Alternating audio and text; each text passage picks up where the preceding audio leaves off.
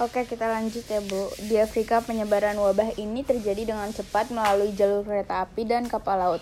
Penyakit ini diperkirakan masuk ke Afrika pada awal September. Penduduk asli Afrika menamai penyakit ini dengan berbagai sebutan. Di daerah selatan Nigeria, penduduk-penduduk menyebut wabah itu sebagai lulu-luku membunuh dengan tiba-tiba. Belakangan ini dikenal dengan Ajukale Arun wabah yang menyebar di mana-mana.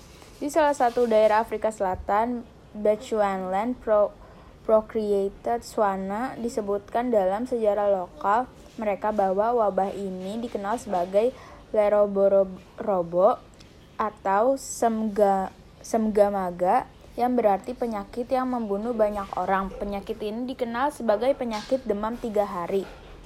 Di Namibia, penyakit ini dikenal dengan kaapi tohanga yang berarti penyakit ini seperti peluru datang dengan cepat. Pemberian nama atau istilah terhadap penyakit ini menunjukkan bahwa penyakit ini menimbulkan kesan yang mendalam bagi hampir setiap daerah yang diserangnya. Jumlah total dari seluruh korban yang ada di Afrika ini tidak dapat dipastikan. Namun berdasarkan data yang didapatkan oleh David Killingray, meskipun dia tidak menyatakan jumlah pasti korban pandemi di Afrika, total korban jiwa diperkirakan melebihi 1 juta orang. Seperti yang telah disebutkan sebelumnya, penyakit ini juga menyebar ke Asia. Killingray mengatakan, kematian penduduk Asia akibat ketika penyakit ini sangat tinggi dan ada ketimpangan dalam pengetahuan mengenai dampak dari pandemi ini di seluruh dunia.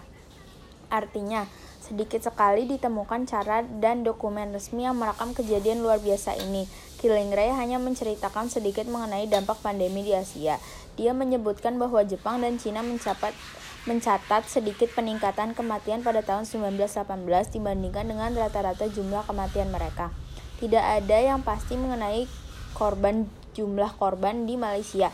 Hanya disebutkan bahwa terdapat laporan dari pergunungan tentang tingginya tingkat kematian dan terjadi malapetaka yang menakutkan yang dapat diindikasikan sebagai pandemi influenza. Hanya dua negara yang menjadi fokus makalahnya, India dan Ceylon, Sri Lanka.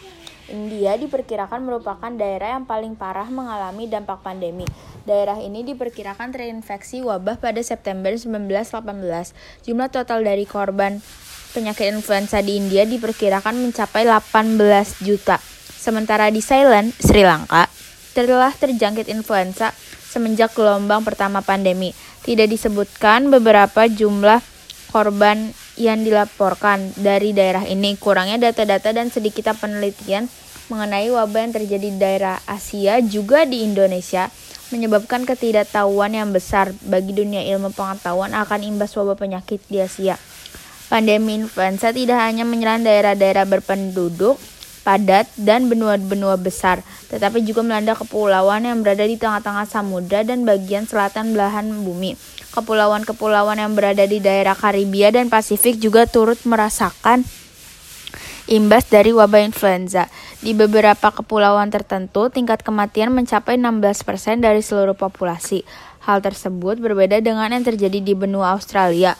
Otoritas Australia berhasil meredam jumlah korban akibat pandemi influenza, sehingga korban total korban akibat penyakit ini sampai dengan musim dingin 1918 mencapai 12.000 orang. Selain tercatat dalam sumber sejarah lokal dan tradisional, memori tentang terjadinya pandemi influenza juga terekam lewat permainan anak-anak. Sebuah permainan lompat tali melantunkan senandung yang menceritakan penyebaran penyebaran influenza dengan lirik seperti di bawah ini.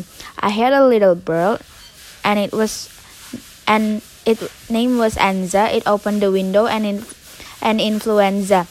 Artinya saya memelihara burung dan namanya Enza. Saya membuka jendela dan terbanglah masuk Enza. Influenza. Influenza. Pandemi flu juga menanggalkan jejak pada peristiwa penting dalam sejarah dunia satu yakni perjanjian perdamaian Paris yang berhasil menghentikan Perang Dunia Pertama. Banyak anggota delegasi dari negara-negara yang terlibat terjangkit flu Bahkan beberapa di antaranya meninggal. Ketidakhadiran mereka dalam lobi negosiasi dan negosiasi membuat arah perjanjian damai berubah menjadi lebih lunak. Sebelumnya para delegasi tersebut sangat sukar menerima poin-poin perjanjian yang akan menghentikan perang antara Jerman dan negara-negara sekutu. Seorang peneliti Crosby mencatatkan dengan baik pengaruh-pengaruh tersebut dalam bab Flu and the Paris Peace Conference. Crosby berpendapat bahwa semua malaise dan fatigue kelemasan dan kelemahan dan kelelahan yang disebabkan oleh flu berpengaruh pada hasil keputusan perjanjian damai tersebut yang berhasil melahirkan liga-liga bangsa. Sekian podcast saya. Wassalamualaikum warahmatullahi wabarakatuh.